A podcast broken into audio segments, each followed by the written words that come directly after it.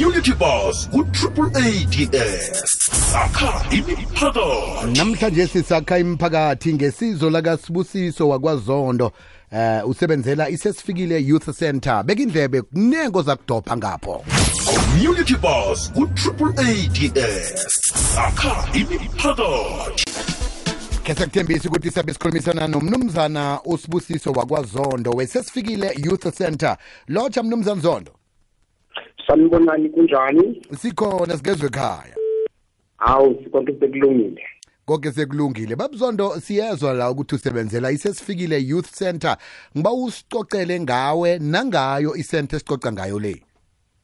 Eh okokuqala ngithanda ukubulisa wena njeng- njengomhashi weredo kokwezi. Ngiphinde ngibulise nomndeni wonke weredo kokwezi ah lami isibusiso ngwakazondo ngihlala ebhetali ngisebenzela ebhetali.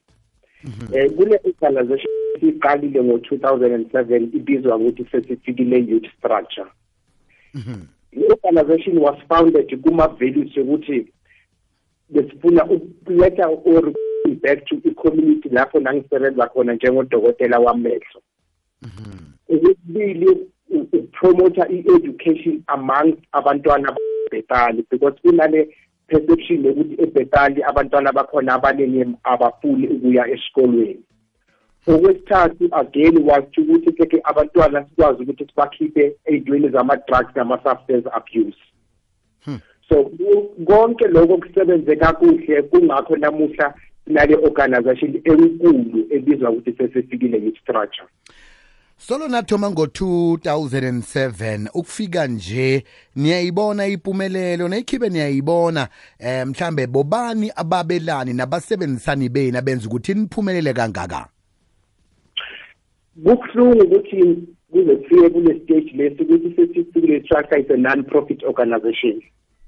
Le organization lena kube buhlungu ukuthi yo- beyidiphendele kusiso zondo kanye nekhampani yakhe ebizwa ukuthi zondo optometry enenye is zondo transport so kuye kuhambe kwahamba kwase kuba like ne-covid. I-covid yiyo esikhombise ukuthi kunzima to run a non-profit organization. So unfortunately beyinganawo amanye ama ama sponsors apart from the, the abantu laba yi-three engibamentionile. So kube difficult kakhulu after ku- kube ne-covid. Mm. Yeah. so ama projects amaningi ebesiwenza avele ema ngendaba ye-covid just to mention ele ama projects ayi-two ebewabalulekile ukubhenefitha i-community yasemzinoni or large besine-feeding scheme wherein then abantwana abanganabazali abanye abanenkinga besikwazi ukuthi sibancede ngokuthi beke bathole ukudla njalo before baya emakhaya uma baphuma esikolweni beze u- u- u- bazo- ba- beze bazokudla.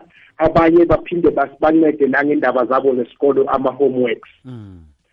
Bese kuthi okwesibili masipromotha i-education leyo besiyipromotha through ama-learners awards wherein abantwana basebhetali they will compete among themselves to be given that recognition ebayideservayo so ngalokho bekuba easy ukuthi keke abantwana baphinde babuyele ey'kolweni ngoba keke at the back of their mind bebabona ukubaluleka kwemfundo nokuthi nabo kunabantu abazoba recognize ukuthi basebenze kakuhle.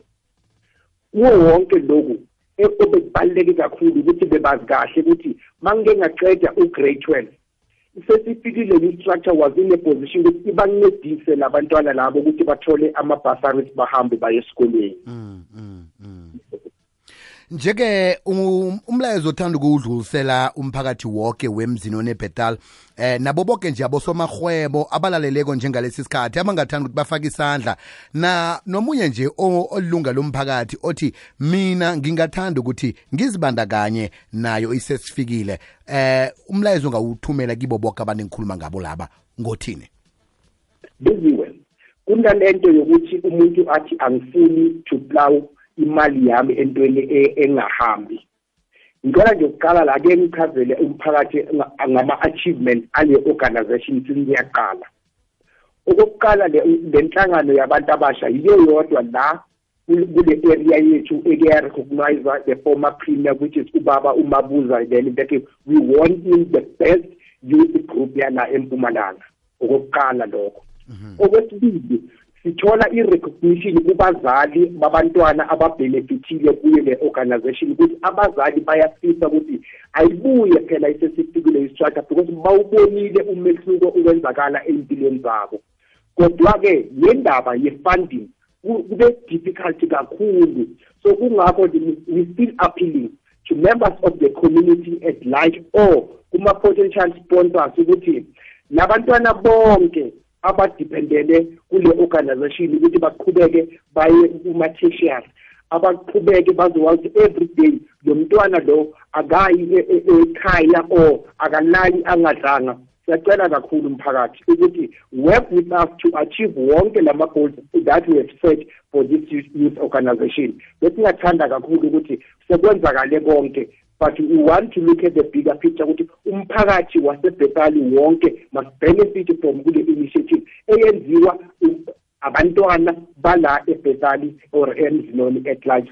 Siyacela kakhulu ukuthi umphakathi sicela nisincedise ukubona ukuthi le-organization iphinde iqhubeke futhi wherein nayigcine khona. Mnumzane zondo sesiyivala nje bangithola kuphi ngenomboro eh, na physically ukuthi nabafuna ukuza bazokubona ukuthi organization isebenzela kuphi begodwa isebenza njani bangeza khona. Eh ngicela eh inamba yami yocingo ithi 082 688 6136 ukuyiphinda is 082 688 6136 bese kuthi i-email address ebangasithola kuyo ithi zondo transport at gmail dot com small letters everything. Bese kuthi indawo engitholakala kuyo on a daily basis it's 1144 cow village bethal 2310 babuzondo siyathokoza ngemsebenzi emihle eniyenzako ngiba waniragele phambili. Banenge abantu abalaleleko njengalesi sikhathi engicabanga ukuthi-ke bangafisa ukuthi bafake isandla. Khona kuza kuthuthuka abantu abatsha besewula afrika.